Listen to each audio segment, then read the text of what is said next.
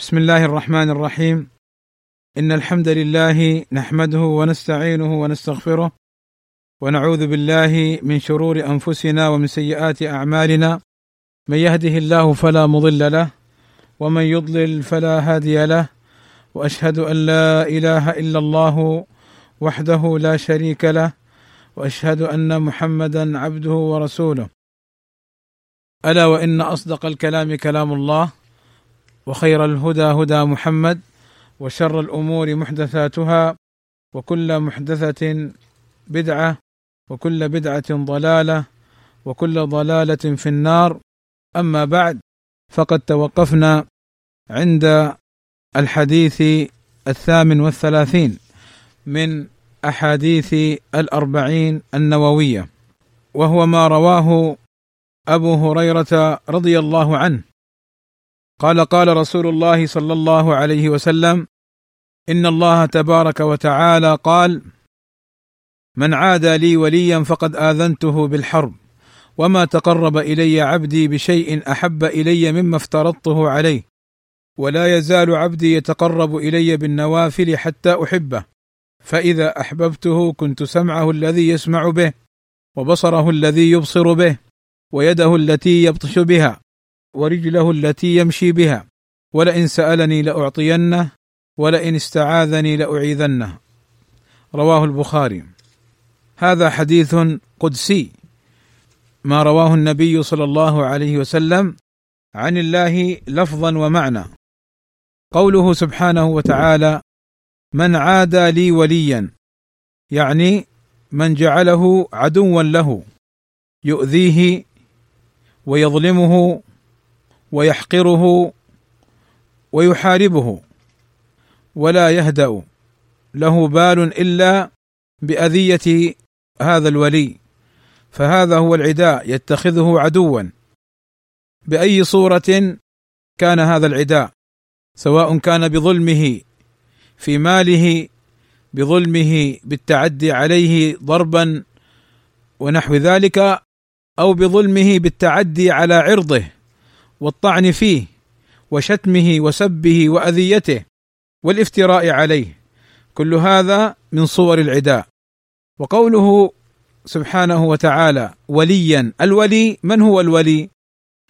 الولي كما قال الله عز وجل ألا إن أولياء الله لا خوف عليهم ولا هم يحزنون الذين آمنوا وكانوا يتقون.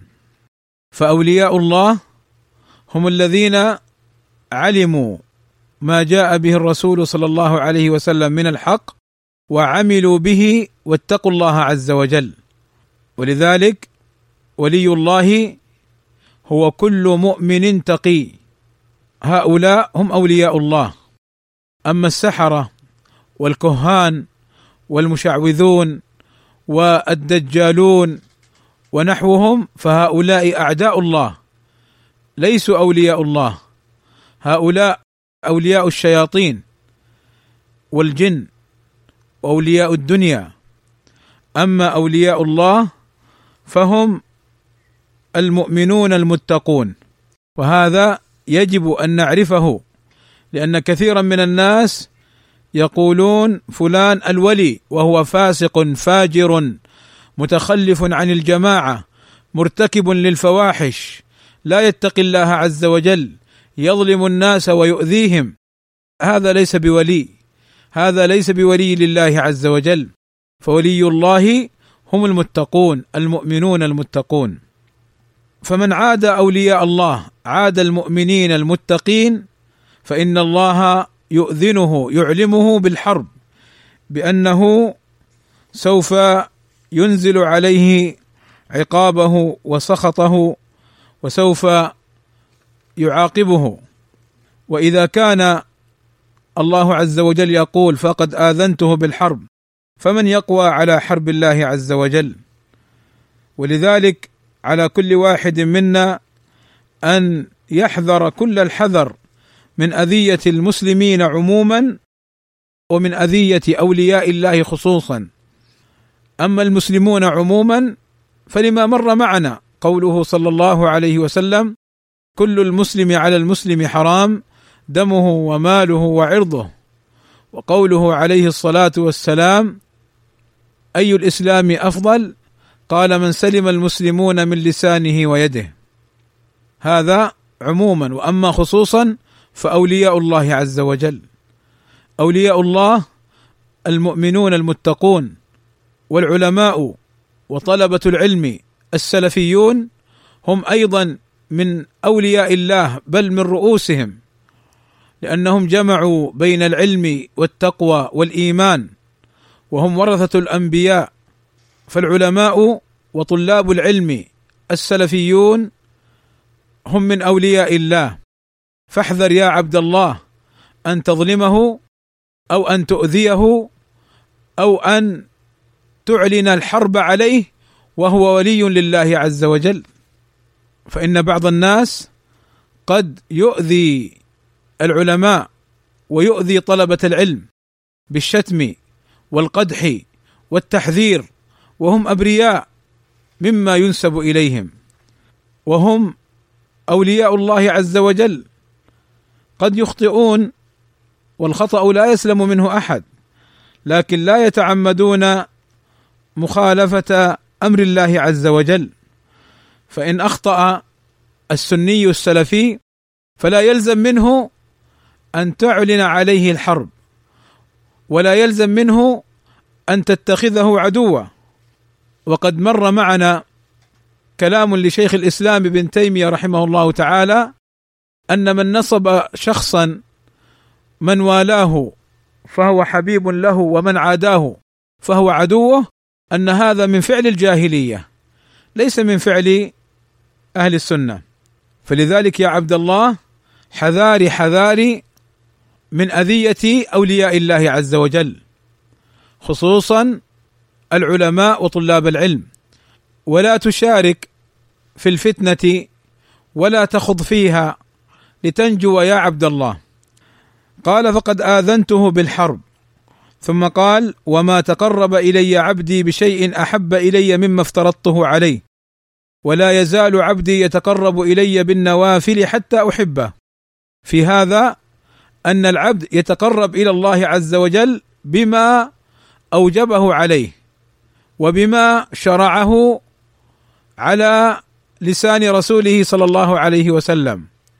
ليس للعبد أن يتقرب إلى الله عز وجل بهواه وبعمل يختاره بل قال الله هنا بما افترضته أي شرعته له.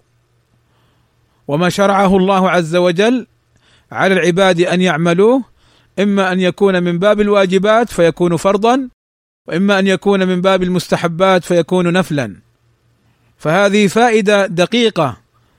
بعض الناس يبتدع البدع التي لم يشرعها الله لا في كتابه ولا في سنة رسوله. صلى الله عليه وسلم. فإذا قلت له لما لما تبتدع هذه البدع؟ فيقول لك أنا أتقرب إلى الله أنا أحب الله. فنقول كما قال الله هنا وما تقرب إلي عبدي بشيء أحب إلي مما افترضته عليه. هل هذا شيء افترضه الله عليك؟ هل هذا شيء شرعه الله لك؟ فإن قلت نعم وكان الدليل يدل عليه فاعمل به فإن هذا مما يحبه الله. وإن كان لا فاعلم يا عبد الله أن البدعة تبعدك من الله ولا تقربك إلى الله عز وجل. أن البدع تأثم عليها ولا تؤجر عليها يا عبد الله. الشيطان وأهل البدع قطاع طريق لعدم وصول الثواب للرسول صلى الله عليه وسلم. فلذلك يا عبد الله لا تتعب نفسك بأن تعمل عملا مبتدعا ضالا. بأن تعمل عملا ليس عليه النبي صلى الله عليه وسلم ولا أصحابه الكرام. وفي هذا الحديث أيضا إشارة إلى أمر أو مسألة مهمة وهي أنك يا عبد الله تبدأ بالواجبات ثم بالمستحبات. بعض الناس يأتي بالمستحبات ويضيع الواجبات. فتجده مثلا يتعامل مع الناس بالمعاملة الطيبة بينما مع من يجب عليه أن يتعامل معه المعاملة الطيبة لا يفعلها بل يسيء إليهم كالوالدين مثلا أو كالعلماء. كما نجد من بعض الناس أنه يتعامل المعاملة الطيبة مع أهل الأهواء ويلتمس الأعذار للمنحرفين المخالفين. وأما أهل السنة السلفيين يطعن فيهم ويجرح فيهم ويؤذيهم. فيا عبد الله أيهما أوجب أن تحرص عليه السلفي أم هذاك المخالف المنحرف؟ فكيف قربت المخالف وأبعدت الموالف؟ والمؤالف السلفي. فلا شك أن هذا خطأ. مثلا بعض الناس يهتم بقيام الليل ويهمل الصلاة في جماعة.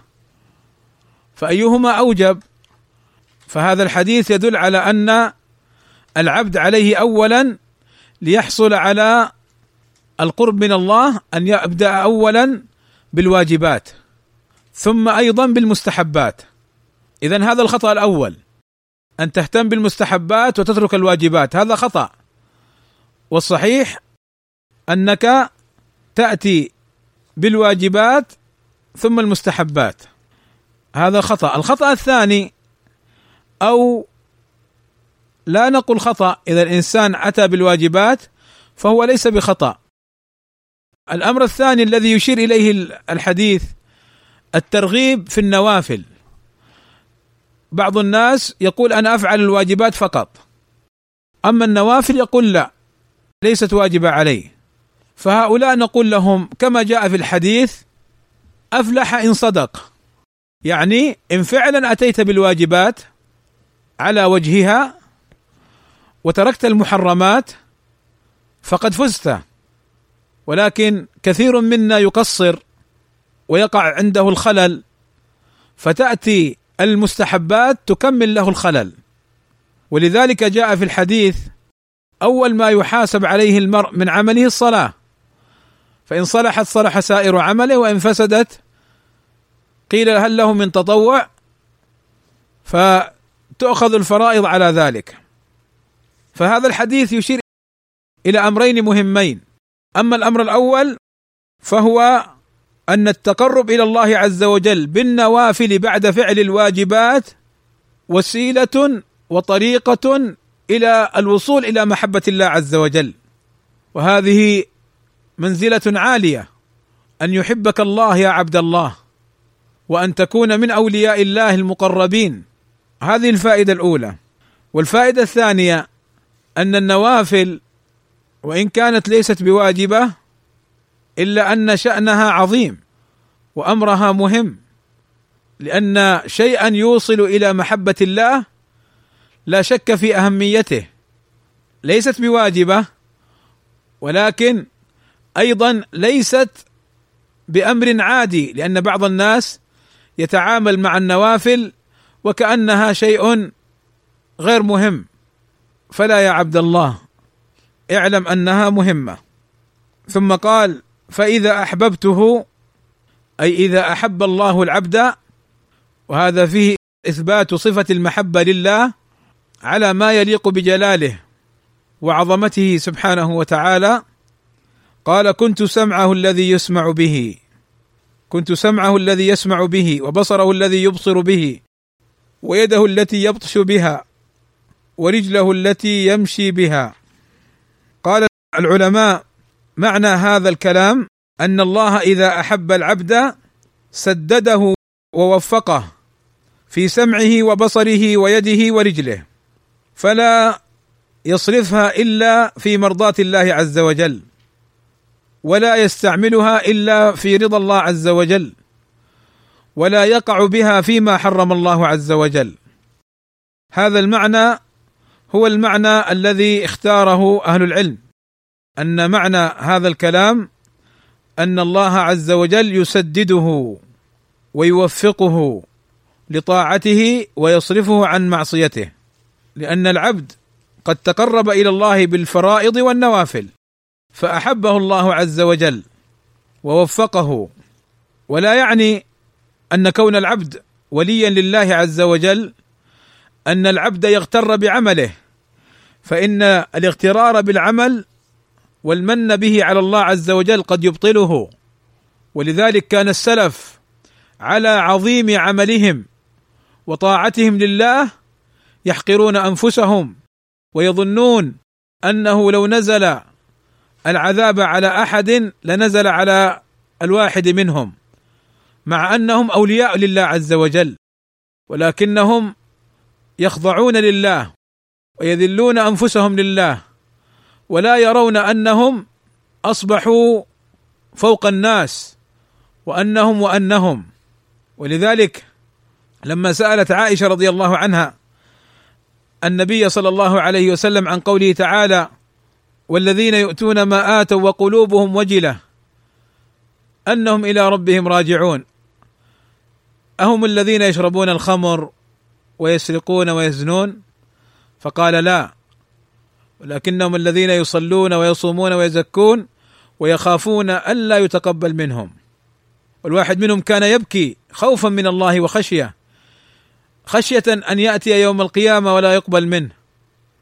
ولذلك على العبد أن يعلم أنه كلما اقترب من الله بطاعته وترك معصيته كلما ازداد خوفه وازدادت خشيته من الله ومراقبته لأعماله وأقواله. فلا يطغى على عباد الله ولا يؤذيهم ولا يعلو عليهم ولا يرى نفسه فوقهم فإن هذه من خصال اليهود الذين يرون أنفسهم فوق الناس. أيضا التنبيه الثاني نعم ولي الله تكون له هذه المنزلة العظيمة التي يوفقها الله إليه ولكنه بشر فلا يرفع فوق قدره فيظن أنه يرزق أو أنه بيده شيء أو أنه يعني له منزلة عند الله فندعوه ونطلب منه الشفاعة. ابدا هذا خطأ. هؤلاء عباد أمثالنا الملائكة الرسل الأنبياء الأولياء كلهم عباد لله عز وجل يخافون الله ويرجون رحمته ويخافون عقابه. فلا ينبغي إذا قيل فلان ولي لله صاحب طاعة والله أحبه والله وعده بالأجر والثواب. فاذا هذا الولي ممكن نطلب منه أن يحقق لنا كذا وكذا وكذا. هذا خطأ يا عبد الله. فالولي بشر. عبد مثلنا. لا ينبغي أن نرفعه فوق منزلته. ثم أيضا التنبيه الثالث الولي ليس فوق الرسول والنبي بل الولي دون الأنبياء والرسل. فأولياء الله لهم منزلتهم التي هي دون الأنبياء والرسل. فإن أولياء الله أعلاهم رسول الله صلى الله عليه وسلم وأنبياءه ورسله. ثم الأولياء بعد ذلك دونهم. فتنبه لهذا يا عبد الله ولا تغلو في دينك ولا يلعب عليك الشيطان بأن هذا الولي كذا وكذا له منزلة فادعوه وتقرب إليه و ويعلم الغيب.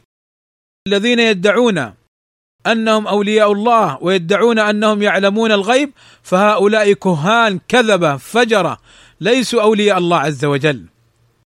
الذين يدعون أنهم أولياء الله وهم يفعلون الفواحش يتركون الجماعات وقد يشربون الخمر وقد يقعون في الزنا وقد يعاشرون المردان هؤلاء أولياء الشيطان ليسوا بأولياء الله عز وجل. فإياك أن تخلط بين الأمرين. ثم قال سبحانه ولئن سألني لأعطينه ولئن استعاذني لأعيذنه. يعني أن ولي الله لو سأل الله عز وجل لاستجاب له ولا أعطاهم سؤله.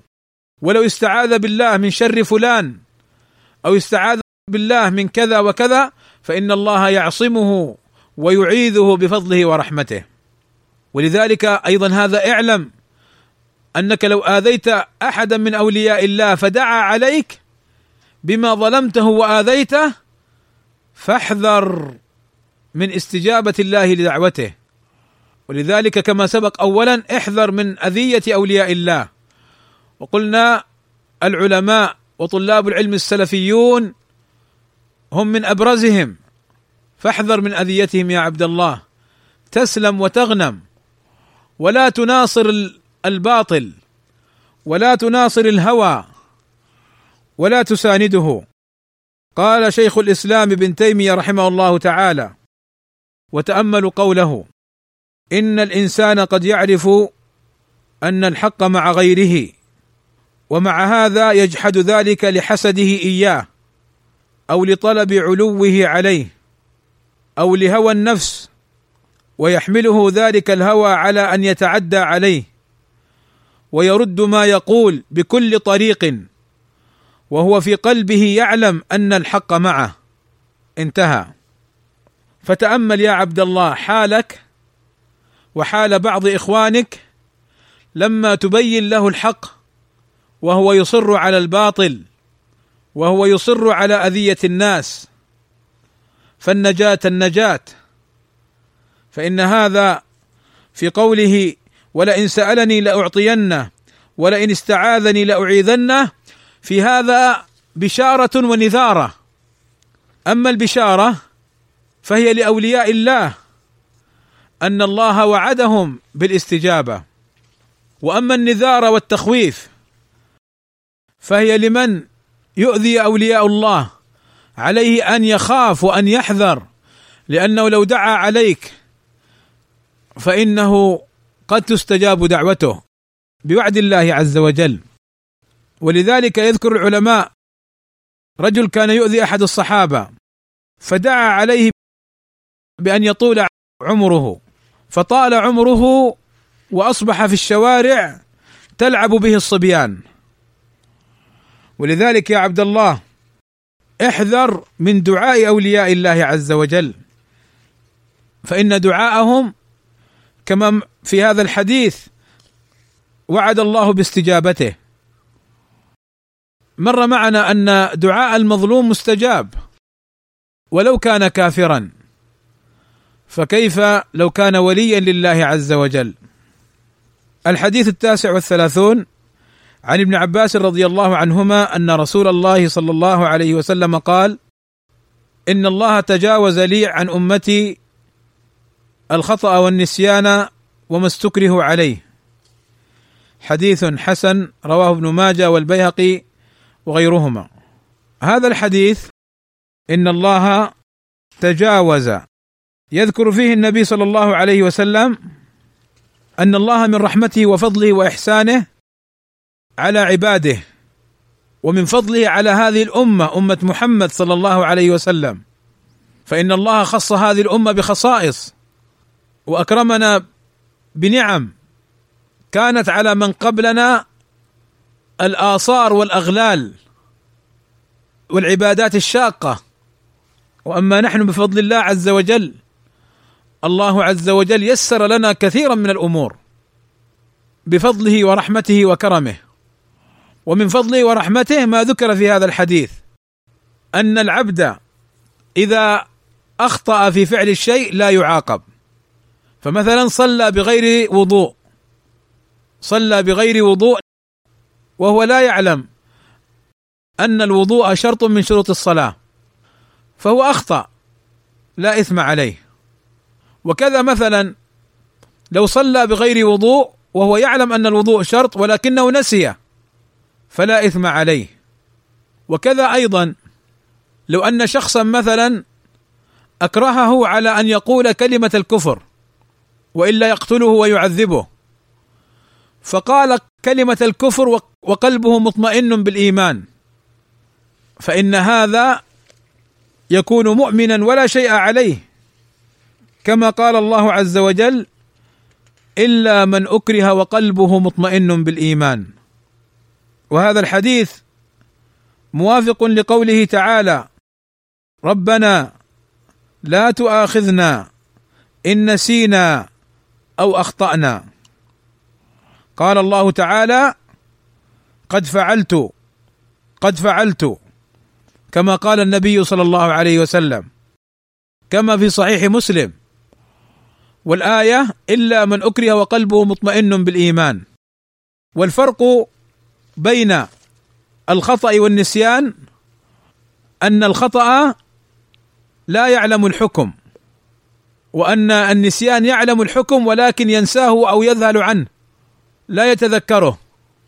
فمن وقع فيه فلا إثم عليه. ومن الأمثلة على ذلك من أكل أو شرب ناسيا في نهار رمضان أو وهو صائم يتم صومه فإنما أطعمه ربه وسقاه. يا لها من نعمة وفضل عظيم من الله عز وجل.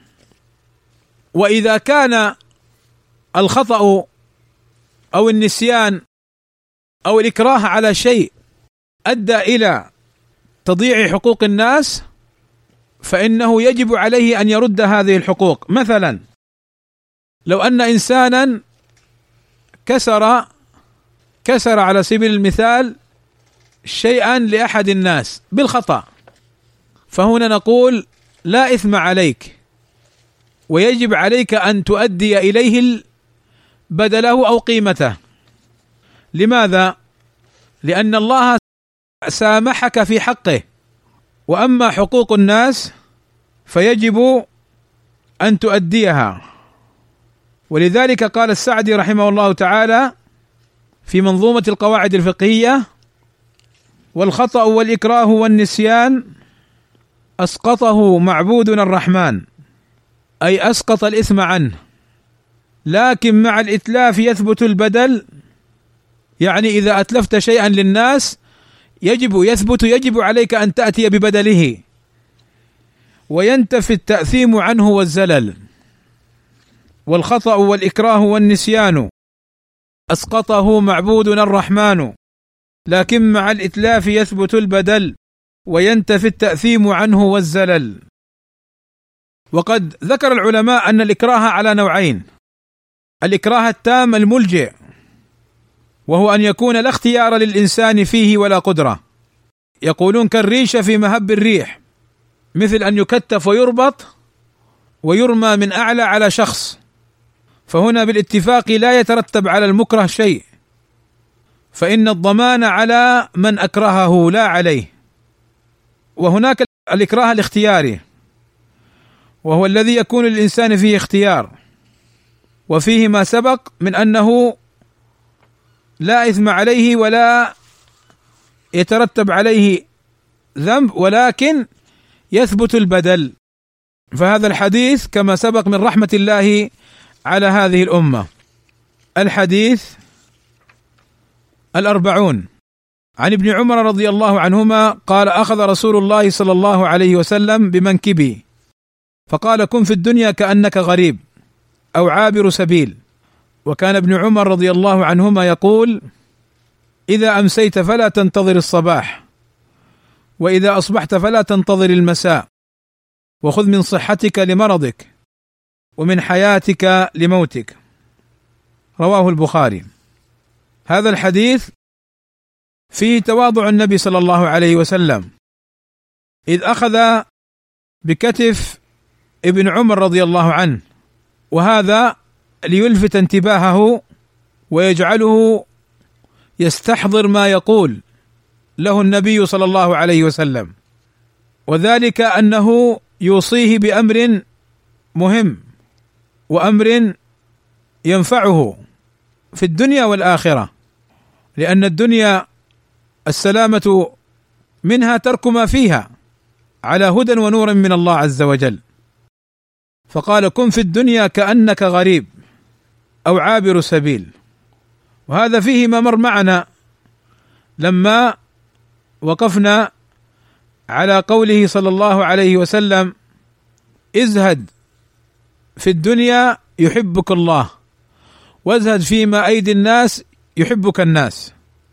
ففيها معنى الزهد في الدنيا وعدم الركون إليها. لماذا؟ لأنك يا عبد الله مهما طال عمرك فإنك ميت. ولذلك جاء جبريل للنبي صلى الله عليه وسلم وقال يا محمد عش ما شئت فإنك ميت. فلذلك لما تكون الدنيا كذلك فيها عدم البقاء يموت الإنسان. ولما تكون الدنيا دار نغص وعدم راحة ويعرض الإنسان فيها للمصائب والمحن لا يشتغل المرء المؤمن بها اشتغالا كليا وإنما يعمر الآخرة لأن الآخرة التي أسأل الله عز وجل أن يجعلني وإياكم من أهل الجنة الجنة مراتب ومنازل وكلما كان العبد عاملا بطاعة الله متقربا إلى الله علت منزلته بعد فضل الله ورحمته. وفي الجنة أعلى نعيم وألذه النظر إلى الله عز وجل. فهذا الحديث كما سبق فيه أن المؤمن لا يشتغل بالدنيا وأنه يتقلل منها ولكن كما سبق لا يعني هذا أن الإنسان يضيع أولاده وزوجته وأهله ويهمل نفسه ويقول أنا في الدنيا غريب أنا ما أريد شيء. هذا يعني ليس اتكالا على الله وتوكلا على الله هذا تواكل وهذا عمل الصوفية وعمل الحمقى والسفهاء ليس عمل المؤمنين. المؤمن مأمور بأن يعمل ولكنه أيضا مرغب له أن لا يعمل للدنيا عملا كثيرا وأن لا يركن للدنيا. ففرق بين ترك الدنيا بالكلية وفرق بين التقلل منها. التقلل هو المشروع. أما الذي يقول أنا أترك الدنيا كلها ويذهب إلى الصحاري والبراري ويذهب إلى الخربات ويذهب إلى الأماكن المظلمة فهذا به جنون. وهذا مخالف لشرع الله عز وجل. وهذا عقله ليس بمستقيم. أين من كتاب الله ومن سنة رسول الله ومن فعل الصحابة الذين هم أفضل هذه الأمة بعد نبي الله صلى الله عليه وسلم؟ أين هذا من فعلهم؟ هل وجدنا صحابي راح الصحراء؟ هل وجدنا صحابي ترك العمل؟ كانوا يعملون وكانوا يسعون بل كان النبي صلى الله عليه وسلم إذا جاءه الرجل وأراد أن يتزوج قال اذهب والتمس خاتما من حديد كما في الحديث الآخر لما ذكر النبي صلى الله عليه وسلم أن الرجل يحتطب ويحمل الحطب ثم يبيعه ويغني نفسه خير له من أن يسأل الناس أعطوه أو منعوه أو كما قال عليه الصلاة والسلام. بل جاء في الحديث الآخر صححه الألباني رحمه الله تعالى وهو في الصحيح أيضا أو لنقل جاء في الحديث الصحيح عن النبي صلى الله عليه وسلم الآن لا أذكر هل هو في الصحيحين أو أحدهما ولكن أذكر أن الألباني رحمه الله تعالى صححه أن الساعة لو قامت يعني يوم القيامة لو قامت وفي يد أحدكم فسيلة فليغرسها. إيش الفسيلة؟ صغار النخل. فليغرسها. يعني إذا قامت الساعة شوف ما قال اترك ويعني وأبدأ أقول سبحان الله والحمد لله قال لا اعمل. فاذا ولا تنس نصيبك من الدنيا. فهذه لابد أن يكون المؤمن المسلم لابد أن تكون حياته متكاملة يعني مترابطة آه، لا فيها يعني جانب العبادة يعطيه جانب كبير. ويترك الدنيا بالكلية أو جانب الدنيا يعطيها شيء كبير ويترك العبادة. فهو له أن يعمل في الدنيا ولكن يتقلل منها. له ذلك. كما في هذا الحديث والحديث الذي سبق مع معنا. لذلك انظر ابن عمر يقول إذا أمسيت فلا تنتظر الصباح. يعني لا تأمل إنك تعيش وتبني وتأخذ أراضي وتشتري كذا وتفعل كذا لأنك لا تدري. فالموت يأتي فجأة. ما له وقت محدد. فكم من صحيح مات من غير علة وكم من سقيم عاش حينا من الدهر. ومن الأمور التي يذكرها الناس وشاهدوها أن بعض المرضاء قال لهم الطبيب ستموت خلال شهر أو شهرين يعني ما لك علاج.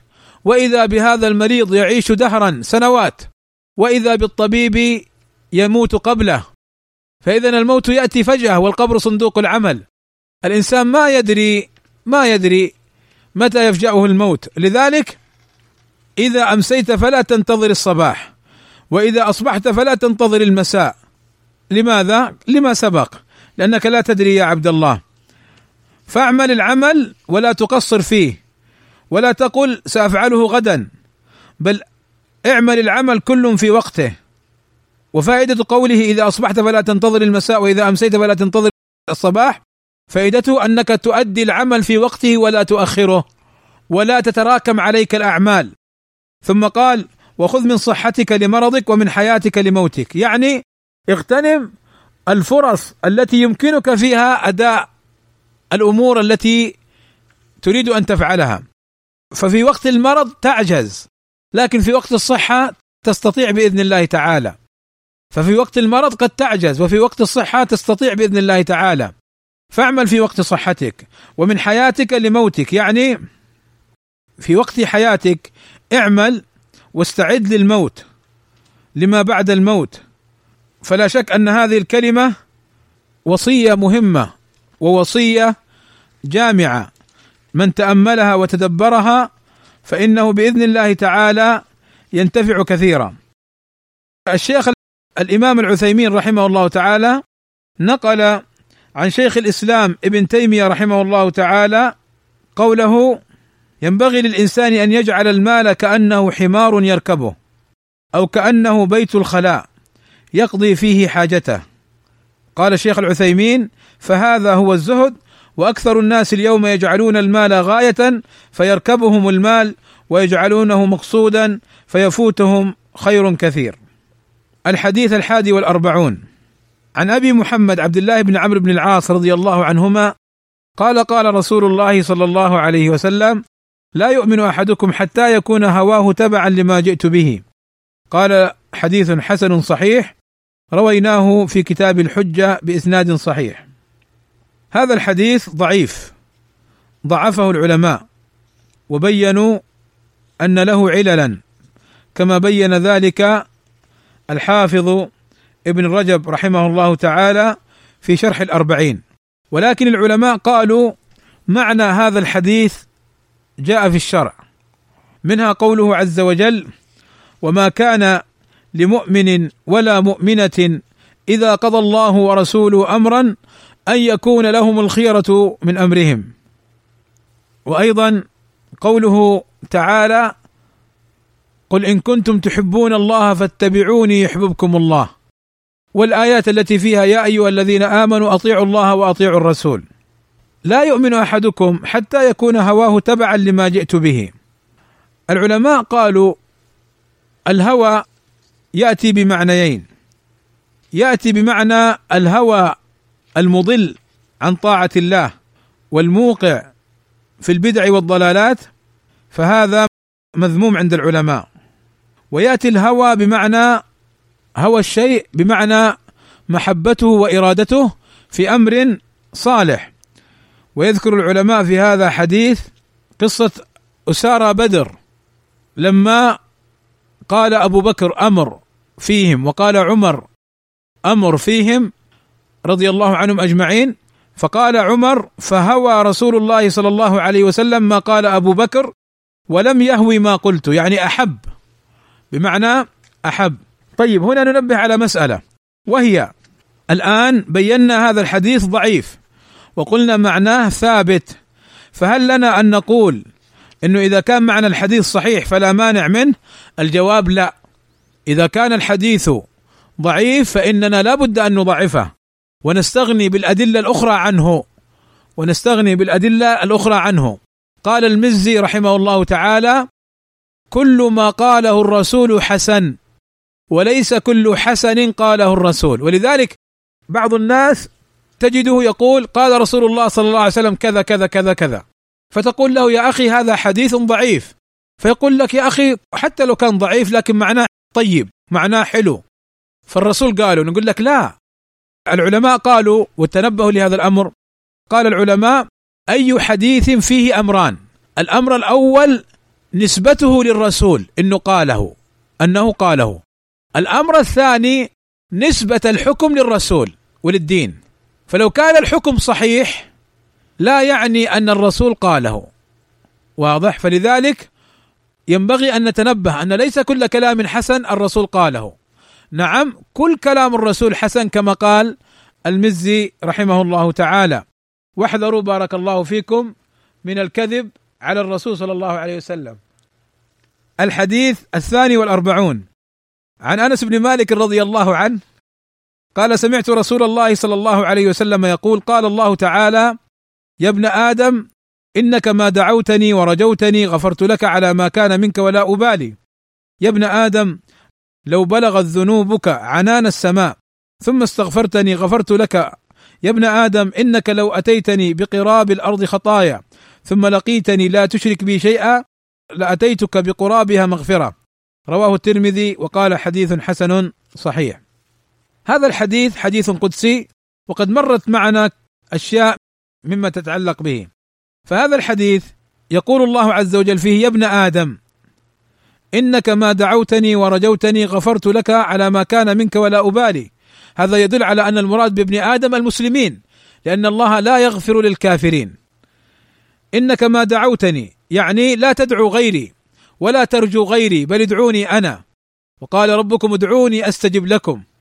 والله عز وجل يحب من عبده أن يلح عليه بالدعاء. غفرت لك على ما كان منك يعني لو تبت ورجعت إلى الله عز وجل فإن الله يقبلك. وهو الذي يقبل التوبة عن عباده ويعفو عن السيئات. قل يا عبادي الذين أسرفوا على أنفسهم لا تقنطوا من رحمة الله. إن الله يغفر الذنوب جميعا. فهذا الحديث يقول فيه النبي صلى الله عليه وسلم يا ابن آدم إنك ما دعوتني ورجوتني غفرت لك على ما كان منك ولا أبالي. فيا عبد الله لا تيأس من رحمة الله. مهما بلغت ذنوبك وقد مر معنا الحديث الذي قتل تسعة وتسعين نفسا ثم قتل المئة ثم أيضا أراد أن يتوب فتاب الله عليه وقبضته ملائكة الرحمة. ثم قال يا ابن آدم لو بلغت ذنوبك عنان السماء يعني لو كانت عندك ذنوب كثيرة بلغت إلى السحاب من الأرض إلى السحاب كلها ذنوب تملأ هذا الفراغ بين الأرض وبين السحاب لو بلغت ذنوبك عنان السماء ثم استغفرتني غفرت لك. يعني الله عز وجل يرغب عباده في التوبة. والاستغفار وأنه مهما بلغت ذنوبك يا عبد الله فلا تيأس من روح الله. يا ابن آدم إنك لو أتيتني بقراب الأرض خطايا ثم لقيتني لا تشرك بي شيئا لأتيتك بقرابها مغفرة. يعني لو أنك يا عبد الله لو أنك يا عبد الله وقعت في الذنوب والمعاصي ولكنك حين مت مت على التوحيد فلا تيأس من رحمة الله. فإن الله قد يغفر لك كما قال الله عز وجل إن الله لا يغفر أن يشرك به ويغفر ما دون ذلك لمن يشاء. فقد يغفر الله عز وجل للعبد ذنوبه وقد يغفر الله عز وجل للعبد إساءته مهما بلغت. تلك المرأة البغية الزانية لما رأت كلبا يلهث فسقته غفر الله لها. فالله عز وجل غفور رحيم. ولكن هذا الحديث ننبه على أمور فيه. أما الأمر الأول وهو الخطير فيه بيان خطورة الشرك وأن من مات على الشرك الله لا يغفر له. وفيه أيضا بيان عظمة التوحيد وأنه يكفر الذنوب. فإن من مات على التوحيد وعنده ذنوب قد يغفرها الله له. ومن ذلك حديث صاحب البطاقة لما وضعت له سيئاته في كفة السيئات فقيل له هل لك من عمل ترجوه؟ هل لك من عمل صالح ترجوه؟ وهو قد قال لا إله إلا الله. ف نظر إلى أعماله الكثيرة السيئة فقال لا. فقال الله له إنك لا تظلم اليوم فتخرج له بطاقة مكتوب فيها لا إله إلا الله فتوضع في كفة الحسنات فتطيش كفة السيئات. فلذلك يا عبد الله التوحيد التوحيد مهم جدا. أن تعتني به وأن تحققه وأن تتعلمه وتعلم أهلك وأبناءك وتعلم الناس التوحيد تسمع المحاضرات وتقرأ كتب أهل العلم السلفيين في باب التوحيد وتسأل عن الأمور التي يخشى أن تكون من باب الشرك ومن باب نقصان التوحيد فتجتنبها. والشرك الشرك احذره وابتعد عنه. وتعلمه لكي لا تقع فيه. فتعلم أن هذا شرك فلا تقع فيه. واحذر الذين يقولون أن التوحيد ليس بمهم وأن التوحيد يتعلم في دقائق أو في أيام معدودة. الرسول صلى الله عليه وسلم منذ بعثه الله عز وجل إلى أن مات وهو يدعو إلى التوحيد صلى الله عليه وسلم. فلذلك هذا الأمر الأول. أما الأمر الثاني ليس معنى هذا الحديث أن العبد يرتكب الذنوب والخطايا ويسرف على نفسه ولكن هذا الحديث في من وقع يقال له تب وارجع إلى الله وفي من مات وهو على التوحيد يقال له إن شاء الله ترجى له الرحمة. سئل الإمام أحمد عن من كانت عنده ذنوب لكنه مات على التوحيد فقال قبره روضة من رياض الجنان. فلا تظن يا عبد الله من هذا الحديث وغيره من الأحاديث أنك تسرف على نفسك وتفتح على نفسك باب المعاصي لأمور. أما الأمر الأول فإن المعاصي قد تغطي القلب إلى أن يقع في الكفر والعياذ بالله. والأمر الثاني أن المعاصي والذنوب قد يعاقب عليها العبد ونار جهنم شديد حرها ولهيبها وسمومها لا يطيقها الإنسان والبشر. حتى إذا دخل من دخل من من الموحدين في النار فإنه يفحم فيها. نعم لا يخلد من مات على التوحيد في النار. ولكن ضع إصبعك على نار الدنيا فإنك جزما ويقينا لن تستحملها. سوف تحترق وتتألم الما شديدا ونار الدنيا هي جزء من أجزاء كثيرة من نار الآخرة. كما أخبر النبي صلى الله عليه وسلم. فإذا كانت نار الدنيا تعتبر خفيفة وجزء يسير جدا من نار الآخرة فكيف تقوى أجسادنا على نار الآخرة؟ لذلك كان الصحابة يبكون ويخافون من عذاب الله ويعملون الصالحات ويتركون السيئات رضوان الله عليهم. وكذا من سار على نهجهم وطريقتهم ممن أتى بعدهم. الأمر التالي الذي ينبه عليه في هذا الحديث وهو أن الله عز وجل قال لا تشرك بي شيئا. يعني أي نوع من أنواع الشرك. فاحذره لأنه كما نبه على ذلك العلماء ومنهم شيخ الإسلام محمد بن عبد الوهاب أن العبد قد يقع في الشرك وهو لا يعلم.